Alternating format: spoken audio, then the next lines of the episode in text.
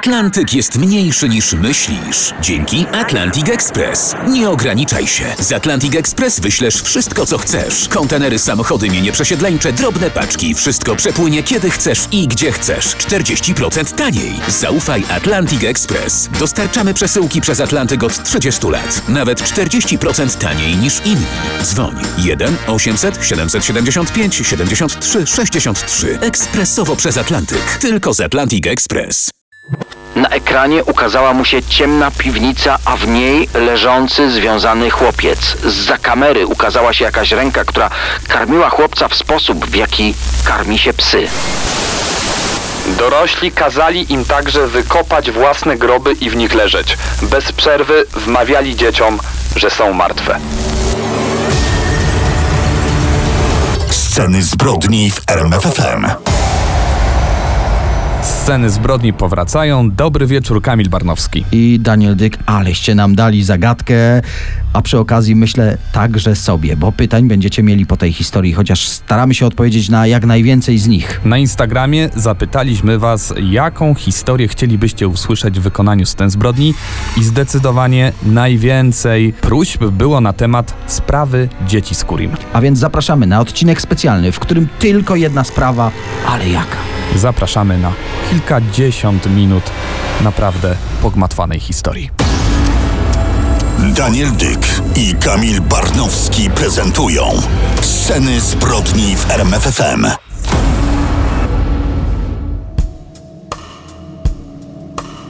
Cała historia rozpoczyna się w Brnie. Malownicze miasto w Czechach położone no, w połowie drogi między Pragą a Wiedniem. Właśnie tutaj mieszka Klara Mauerowa. Dziewczyna uwielbia sport, a zwłaszcza siatkówkę i pływanie synchroniczne. W jej domu rodzinnym wszystko układa się w porządku, najlepiej natomiast dogaduje się ze swoją starszą siostrą Kateriną. Gdy ma 17 lat, poznała Radka, jak się później okazało, swojego przyszłego partnera życiowego. Podobno była to miłość od pierwszego wejrzenia. Świetnie się ze sobą porozumiewali, no i miłość mogła kwitnąć w najlepsze. W efekcie już rok później, w 98 roku na świat przychodzi ich pierwszy syn Jakub. Młodej mamie pomagają, rodzice Klary zaangażowani. No generalnie wszystko jak w czeskiej bajce, prawda? Decydują się na drugie dziecko i tak na świat przychodzi następny syn. Duma rodziców, oczko w głowie, Andrzej. Sielanka Klary i Radka nie trwa długo. Już w 2004 roku para się rozstaje i tak dzieci trafiają pod opiekę matki. Jednak trzeba przyznać, że ojciec pomaga jak może w ich wychowaniu, odwozi je na treningi, odwiedza kiedy tylko może. Rok po rozstaniu e, Klara Mauerowa rozpoczyna studia za namową swojej siostry Katryny. Mówiliśmy o tym, że miała z nią najlepszy kontakt i ten kontakt wielokrotnie będzie się dzisiaj e, przewijał w naszym podcaście. Wybrała pedagogikę specjalną i wygląda na to, że no, mimo tych różnych problemów życiowych, samotna mama powoli wychodzi na prostą. I tutaj dochodzimy do pierwszej szokującej sytuacji. Samotna matka decyduje się na kolejne dziecko, konkretnie na adopcję 13-letniej Aniczki. Rodzice dziewczynki byli narkomanami, dziecko nie miało żadnych dokumentów, nawet nie znało swojego nazwiska, dlatego Klara wzięła je pod swoje ramiona. Przynajmniej ta wersja tak początkowo wyglądała. Nie spoileruj. Dziewczynka była małomówna, mm, mało się uśmiechała również, właściwie wcale. Podejrzewano, że ma autyzm albo jakąś inną chorobę, e, która no, wpłynęła tak na jej psychikę. Z czasem wyjaśniło się, że jej zachowanie mogło być spowodowane tym, co działo się w jej domu. Aniczka w tych rzadkich momentach, kiedy otwierała się przed Klarą, podała szokującą e, historię, że, że rodzice się nad nią pastwili, że miała być także wykorzystywana seksualnie.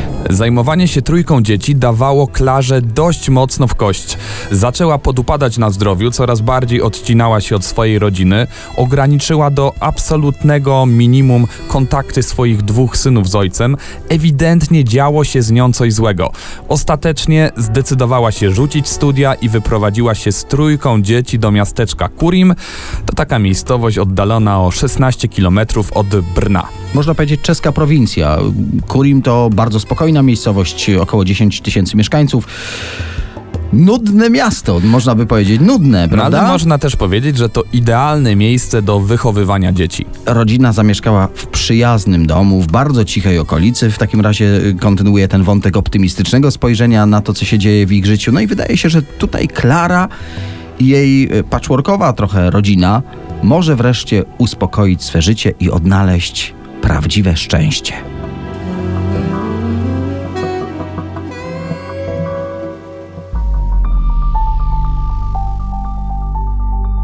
Jest 7 maja 2007 roku.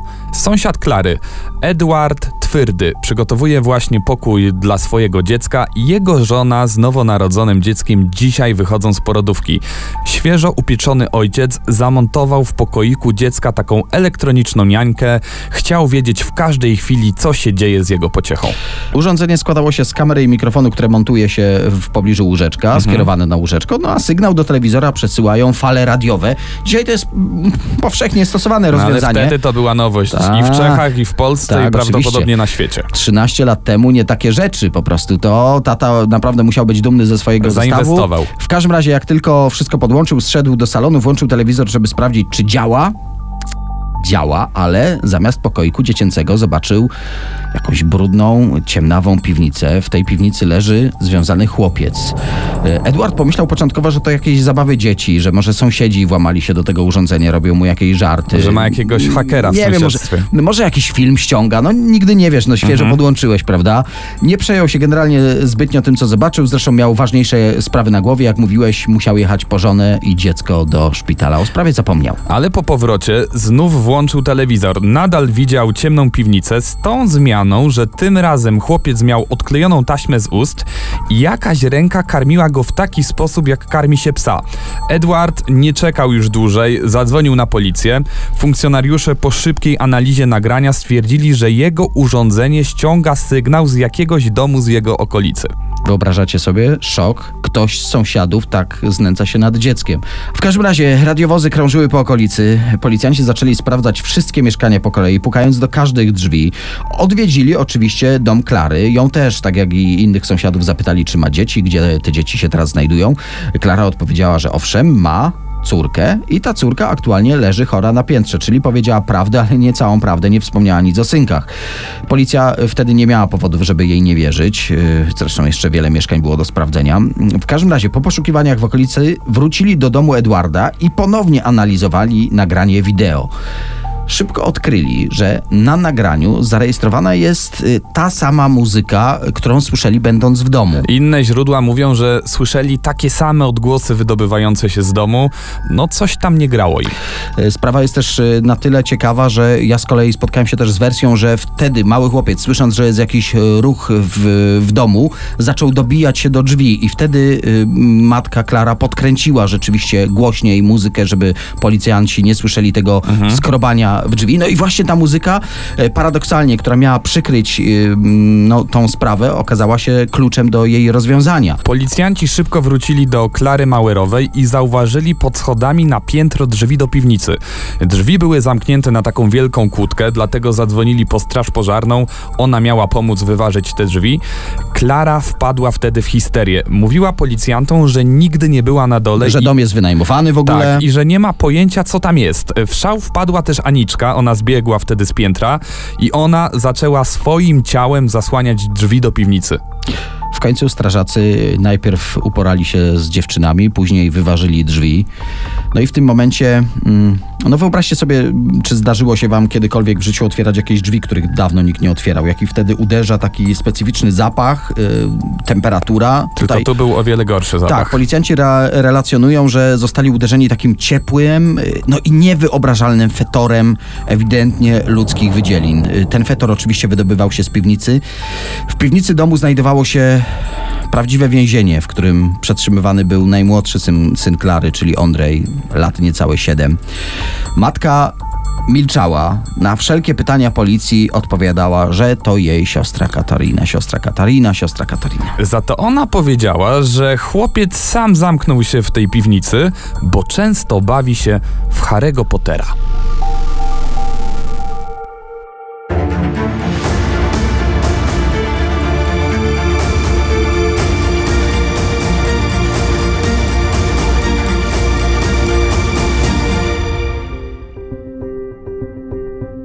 Wracamy do sprawy dzieci z Kurim, do sytuacji rodziny Mauerów w momencie, gdy odnaleziono chłopaka w piwnicy. Co się dalej działo? Jak wykazała lekarska obdukcja, ma mnóstwo ran, obrażeń, nacięć, jakieś dziwne blizny, także w miejscach intymnych. I też y, zniekształcenie, którego początkowo lekarze nie potrafili zidentyfikować na jednym z pośladków. Jakiś poważny uraz, wypadek, no nie wiadomo. Dodatkowo Ondrej zachowuje się tak, jakby pierwszy raz widział szczoteczkę do zębów, jakby pierwszy raz miał kontakt z grzebieniem do włosów. Jest kompletnie nieprzystosowany do życia. Jego matka Klara i jej siostra Katerina są przesłuchiwane, więc co oczywiste, także jego starszy brat Jakub trafił do tego samego pogotowia opiekuńczego. I u niego też wykryto mnóstwo starych blizn. Chłopcy niewiele zeznają o tych ranach. Mówią, że są zrobione drucianą szczotką, a niektóre są od ugryzień szerszeni. Jednak z czasem otwierają się i przyznają, że to ich matka Klara zrobiła im te rany widelcem i przypalała chłopaków papierosami. Wyobraźcie sobie, kobieta niepaląca kupuje papierosy tylko po to, by torturować swoich synów. Niemożliwe. Chłopcy zeznają, że bywali w domu także inni ludzie, którzy ich krzywdzili, ale do tego wrócimy może nieco później. I gdy Klara trafiła do więzienia, ojciec, co naturalne, zaczął walkę o opiekę nad synami. Nie był świadomy tego, tak zeznawał, że ich matka się nad nimi znęca, ale sąd uznaje, że no nie ma takiej siły, ojciec musiał coś o tym wiedzieć. Jego walka o przyznanie mu praw ojcowskich trwa kilka lat. W tym czasie chłopcy byli pod opieką w domach dziecka. Kolejne przesłuchania wykazały, że siostry Mauerowe bardzo surowo karały synów Klary. Gdy samotna matka nie dawała sobie z nimi rady, y, zamykały chłopaków właśnie w piwnicy, między innymi za to, że dokuczali ich adoptowanej siostrze Aniczce. Jak już wspomnieliśmy, Aniczka ma syndrom autyzmu, więc Klara, przejmująca się jej losem, chroni ją jak najlepiej umie, przed całym światem, także przed swoimi synkami. Odkąd zaczęła się nią opiekować, za radą kogoś z zewnątrz, na razie to postać tajemnicza, izoluje chłopaków w piwnicy. Gdy sobie na to zasłużą, rzuca im jedzenie na podłogę jak psom. Chłopcy są torturowani psychicznie, fizycznie, przeżywają prawdziwe piekło na ziemi. Policja sprawę początkowo traktuje standardowo, jak to w domach z przemocą rodzinną. Dzieci są uratowane od znęcających się nad nimi mamy i ciotki, no więc to najważniejsze. Nie zabezpieczają jakoś specjalnie mieszkania. Podobno przez te 10 dni, zanim się zorientowali, o co w tym naprawdę może chodzić, wywieziono z tego domu sióstr Mauerowych całe worki, prawdopodobnie kaset wideo albo jakichś twardych dysków z nagraniami, ale o tym policjanci dowiedzieli się dużo za późno.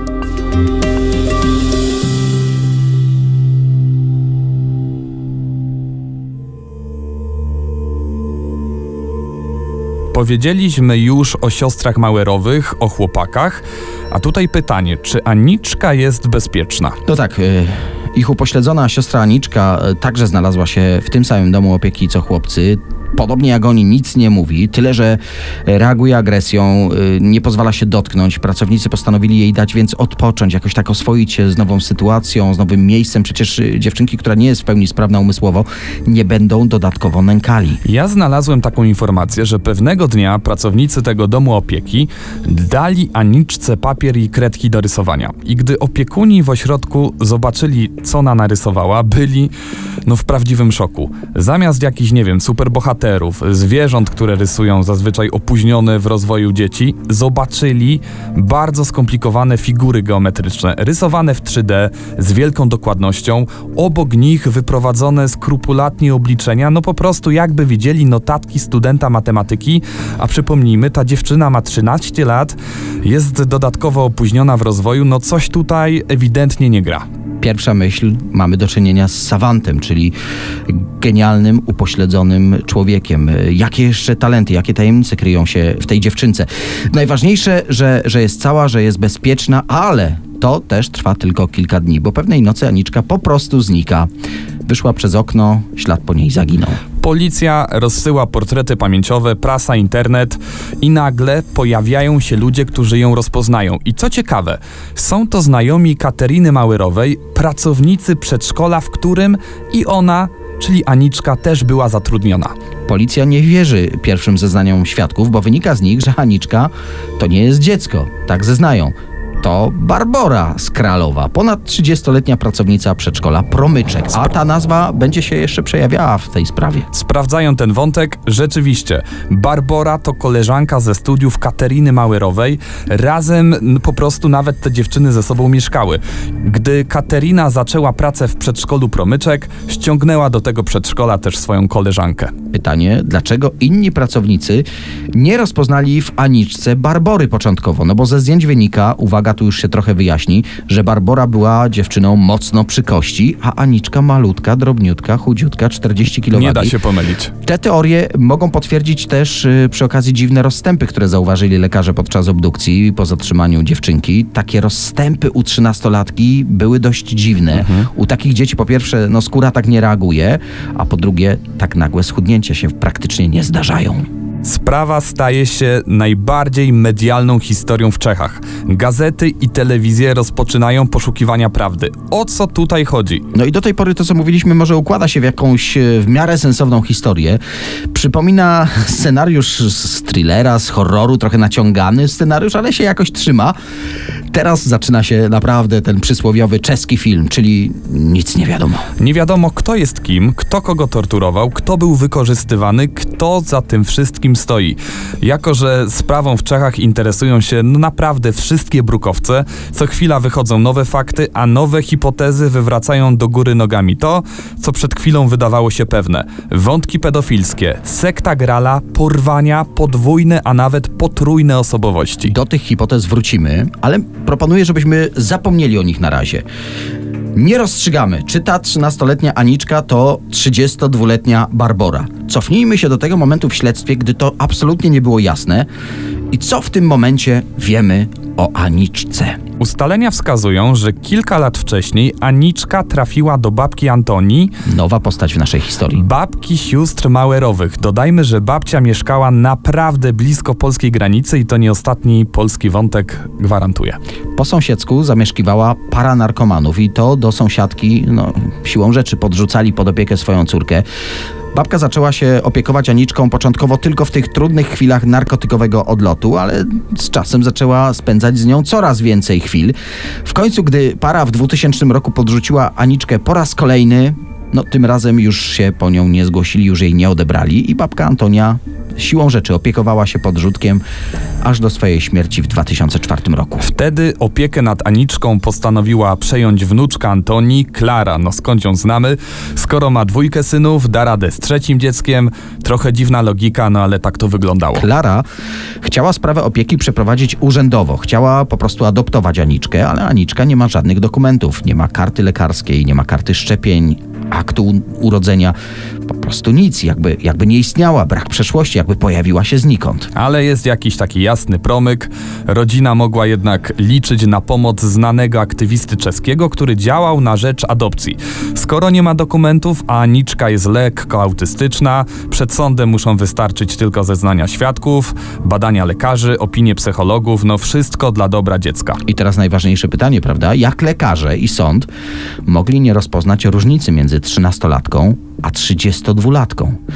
Wkrótce i to spróbujemy wyjaśnić, ale najpierw musimy powiedzieć kilka słów o ruchu Grala.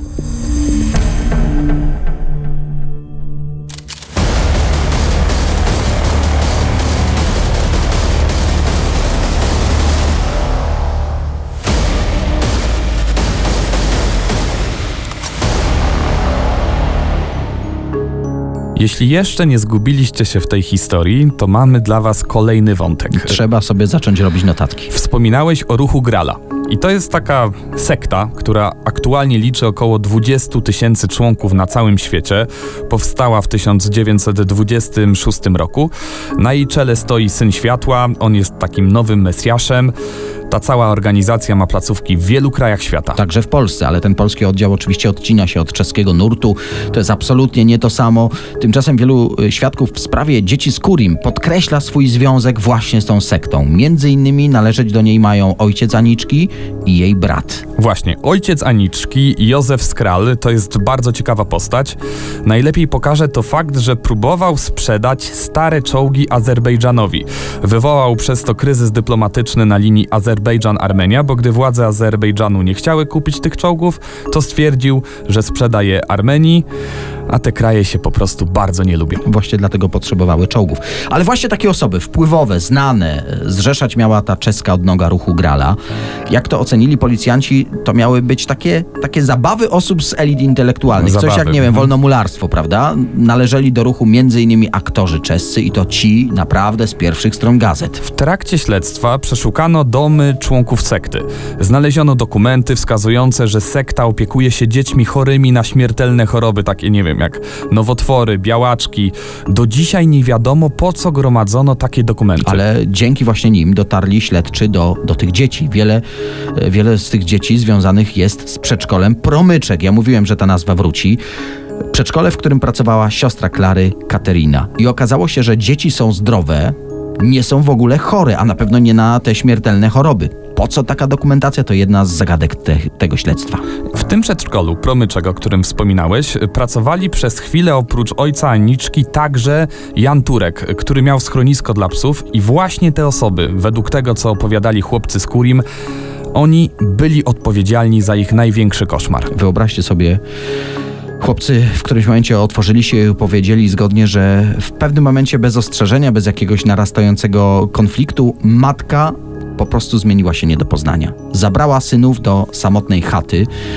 Tam dorośli, między innymi ci wymienieni przeze mnie, zamknęli dzieci w klatkach dla psów, które przywiózł ten właśnie pan ze schroniska. Chłopcy byli bici, mieli być zmuszani do okaleczania się wzajemnie, byli podtapiani przez ich przyrodnią siostrę Aniczkę na Nie- skraju śmierci. Niestety na tym nie koniec. Dorośli kazali im także wykopywać własne groby i w nich leżeć. Bez przerwy wmawiali dzieciom, że są martwi. I wtedy najgorsze. Klara, i to muszę podkreślić, mama tych chłopców, temu y, młodszemu z braci Ondrejowi odcina osobiście kawałek pośladka. Następnie jedzą go wszyscy uczestnicy. Nie wiem, jak nazwać to, jak, jakąś część tajemniczego rytuału. Tak, przekazywali go sobie tak jak komunie. No, niewyobrażalne. Kanibale, sekciarze w ramach obrzędów jedzą kawałek syna Klary. Ondrej y, w jednym z zeznań powiedział także, że w tym przedszkolu bywał również trzymany w piwnicy przez dyrektorkę. Tak, panią dyrektor była Hanna Basowa, nazywana przez chłopców ciocią Nancy. Ona przyjaźniła się z Kateriną i Ondrej był przywiązany do jej biurka w podziemiach e, tego przedszkola i był tam dręczony. Jego starszy brat Jakub chodzi do szkoły, ale w tej szkole alienuje się od dzieci, nie ma przyjaciół, unika dorosłych, nie ćwiczy na WF-ie, żeby nie było widać licznych blizn. Gdy i Ondrej osiąga wiek szkolny, matka go do niej nie posyła. Ma mieć nauczanie indywidualne, bo jak wynika z, ze sfałszowanych dokumentów, Ondrej jest głuchy. Zamiast tego e, trafia do komórki pod schodami. Tej komórce jest filmowany całą dobę. Właśnie, filmowany. To jest y, naprawdę ważny wątek. Najnowsza technologia, trudno dostępna wtedy w Czechach, w ogóle w Europie Środkowej, a sekta sprowadza kamery w jakości HD i jak się przepuszcza. Te nagrania udostępniono pedofilom ze skłonnościami do przemocy. No właśnie, bo w tę teorię wielu wierzy. Ona jest w jakiś tam sposób wytłumaczalna, ale była jeszcze jedna, totalnie nie do przyjęcia dla ludzi, a może właśnie dlatego prawdziwa. Yy, Ta teoria to taka, że sekta Grala miała wychowywać Aniczkę na swojego nowego Mesjasza, a Ondrej i Jakub mieli być jej takimi przybocznymi strażnikami, przyszłymi aniołami stróżami i byli do tego trenowani Uwaga, jak męczennicy przechodzili najgorsze katusze, brutalne tortury, żeby w ten sposób zostać oczyszczonymi.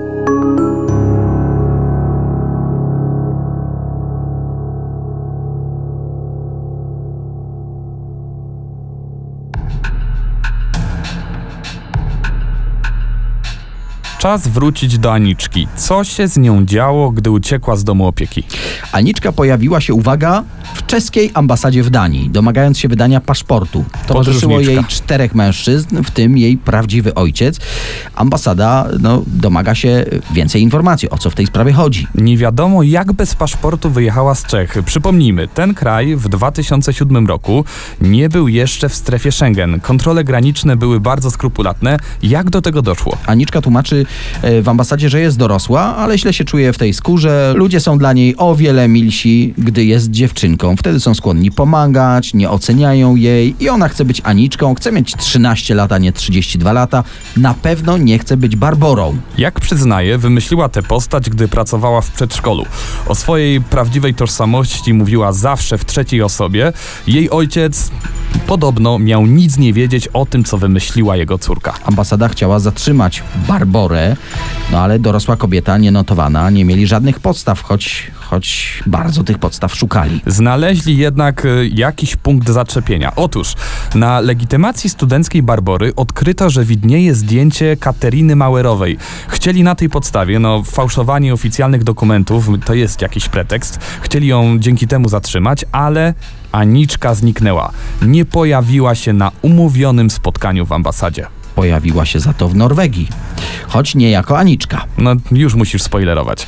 Tu musimy powiedzieć, że znany czeski pisarz Martin Farner dostał posadę w Norwegii. No, miał tutaj zostać dyrektorem teatru. Generalnie pan Farner to bardzo uznana persona w świecie teatru. Do Norwegii zabrał ze sobą rodzinę, jednak po paru tygodniach jego żona z córką wróciły do Czech, ale on został z synem Adamem w tym kraju. Adam, jak to dzieciak, lubi jeździć na deskorolce i tylko to jest trochę dziwne w tym chłopaku. Nawet e, w ciepłe dni chodzi bardzo dokładnie ubrany, w ciepłej czapce, no ale można powiedzieć, że ubierał się jak typowy skate. W końcu coś w Adamie pękło. I kolegom któregoś dnia mówi, że bywa molestowany przez swojego ojca. Mało tego, ojciec udostępnia go innym mężczyznom. Potwierdza to również nauczycielom ze swojej szkoły. Policja w Norwegii natychmiast aresztowała pisarza. Chłopcu zapewnili miejsce w domu dziecka pod Oslo, no i oswobodzony z rąk ojca pedofila zjadł kolację, położył się, ale jak możecie się domyślić, rano już go nie było.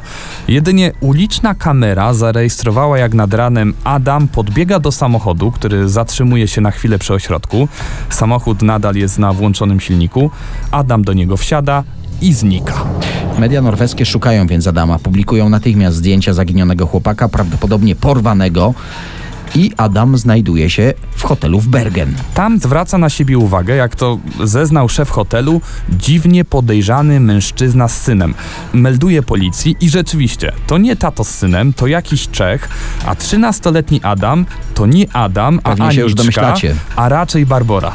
Prawdziwy Adam nigdy nie wyjechał z Czech. Po prostu Aniczka przejęła jego tożsamość. Y, Ojciec, i to mówię y, w cudzysłowie, Ten pisarz. ów pisarz, tak, dramaturg y, czeski, trafił do norweskiego aresztu, ale tylko na chwilę, no bo przecież ani nie molestował swojego syna, a taki był zarzut, bo syna w Norwegii nigdy nie było. A że coś go łączyło z Aniczką, to też nie ma podstaw do wszczęcia śledztwa. W końcu to nie Aniczka, dziecko, tylko dorosła kobieta Barbora. I w taki właśnie zagmatwany sposób Barbora wraca do Czech na przesłuchanie.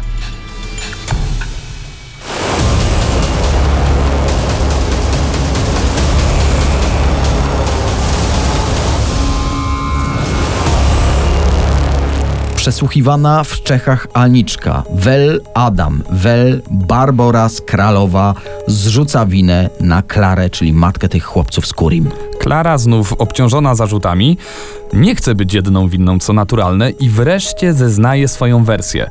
Według niej to Aniczka wszystkich torturowała. Aniczka więc znowu zmienia zeznania. To nie był jej pomysł. To Hanna Basowa, dyrektorka przedszkola Promyczek. Też była przez y, tę dyrektorkę torturowana w piwnicy przedszkola, jak Ondrej, jej przyszywany braciszek. I właściwie nic więcej nie wie i nic więcej nie powie, bo nie umie. No i wyobraźcie sobie, że mimo takich żadnych zeznań tak naprawdę, w 2008 roku Czesi kończą śledztwo. Nic nie wiedzą, wszystko ma wyjaśnić sąd. I tutaj wypada westchnąć i za poetą, dramaturgiem czeskim znanym powiedzieć, ach, cóż to był za proces. Wtedy pojawiały się takie wersje, słuchajcie, może na początek zeznania Klary, matki chłopców. Miała dowiedzieć się, że Aniczka jest umierająca i ma u Klary dożyć swoich ostatnich dni. To jest ta pierwsza wersja. To właśnie dlatego Klara Mauerowa się nią po prostu z dobroci serca zaopiekowała. Później usłyszała, że z tym umieraniem to taka no, zasłona dymna. Tak naprawdę Aniczka została uratowana z łap handlarzy żywym towarem. No i Klara musi w wielkiej konspiracji opiekować się tą dziewczynką, no bo jeśli nie dotrzyma tajemnicy, to ci handlarze wrócą. Pomagać ma jej tajemniczy doktor w tym ozdrowieniu Aniczki.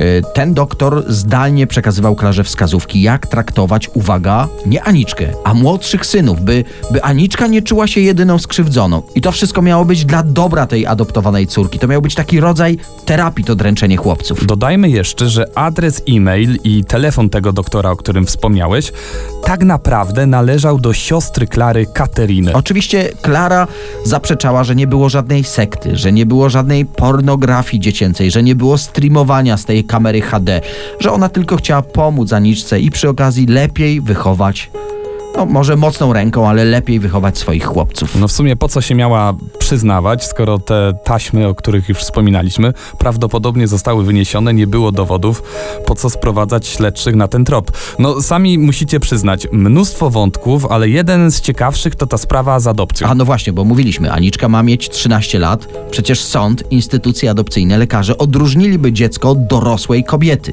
Ale na szczęście wtedy pobrano próbki DNA i okazało się, że należą do córki znanego czeskiego aktora. Kolejny celebryta, Tak. prawda? E, Ona udawała Aniczkę, on zeznał, że wypożyczył córkę, bo koledzy z sekty, do której też należał, sugerowali, że tak trzeba. Ona w procesie adopcyjnym miała udawać Aniczkę, zresztą jego żona pracowała też w tym przedszkolu promyczek, o którym już tyle razy wspominaliśmy. No i tak wplątano go w tę sprawę. Ale aktor znany czuje się absolutnie niewinny, po prostu chciał pomóc w ułatwieniu adopcji dziewczynki z autyzmem. No tak może się tłumaczyć. To teraz y, czas na zeznania Barbory. Ona standardowo, że wszystko, całe to znęcanie się nad nią to wina innych ludzi. Przy okazji wyjaśniono skąd te blizny.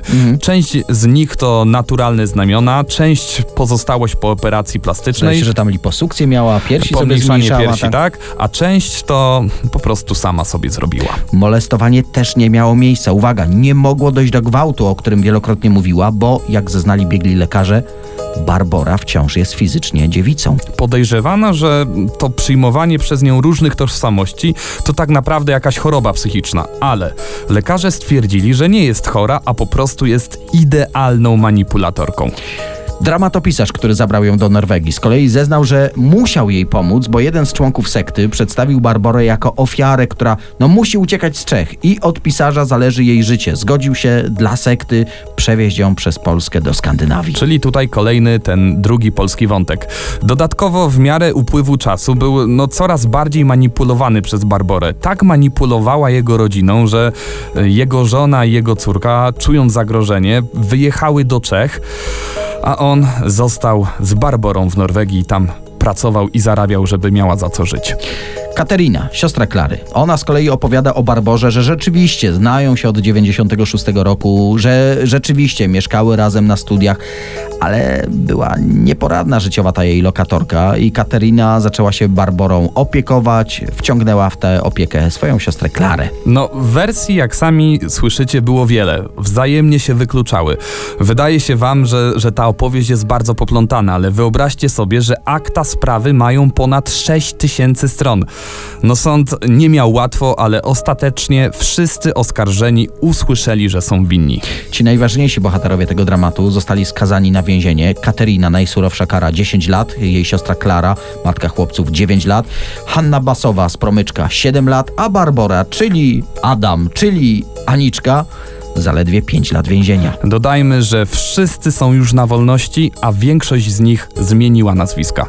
To oznacza, że Barbora ma na bank nową tożsamość. I na koniec pozytywny akcent. Jeden z dziennikarzy odnalazł chłopców i mimo tego piekła, które przeżyli, wreszcie cieszą się spokojem i są pewnymi siebie mężczyznami.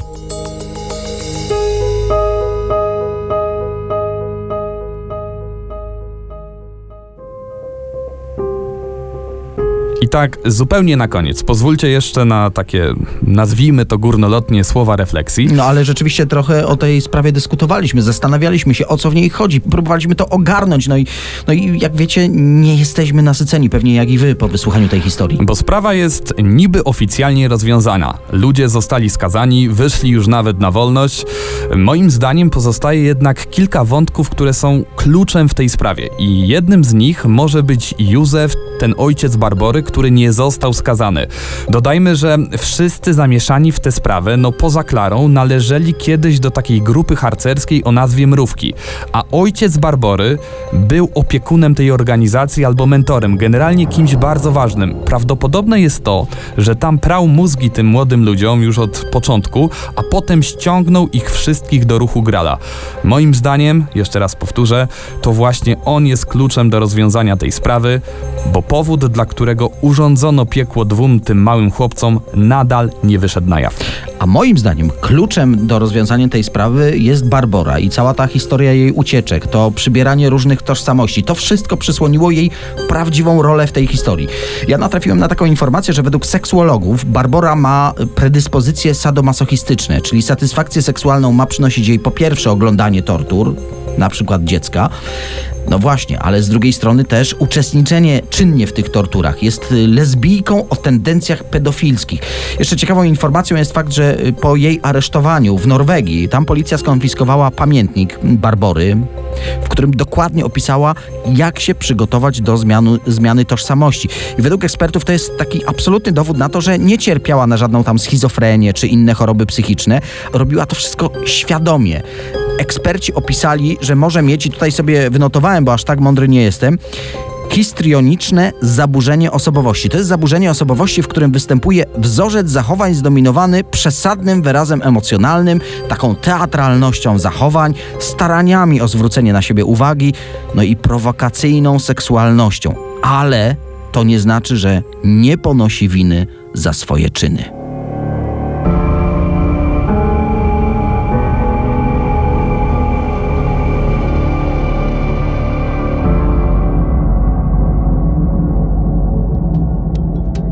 No i wiele pytań mamy teraz do Was. Po pierwsze, co myślicie? O ludzie, ale sprawa, nie? I musicie dać nam znać, czy podoba Wam się takie podejście do tego tematu, w sensie, że bierzemy jedną sprawę i opisujemy ją bardzo dokładnie i skrupulatnie. Dajcie nam koniecznie znać e, w wiadomościach na Instagramie, na Facebooku, tam wszędzie jesteśmy, bo przecież robimy to dla Was, a musimy wiedzieć, w którą stronę iść. Polecamy przy okazji dla porównania na przykład wszystkie 25 podcastów, jakie nagraliśmy w ramach Scen Zbrodni do tej pory. Miłego słuchania i czekamy na Wasze uwagi. Kamil Barnowski. I Daniel Dyk, do usłyszenia. Daniel Dyk i Kamil Barnowski prezentują Sceny zbrodni w RMFFM.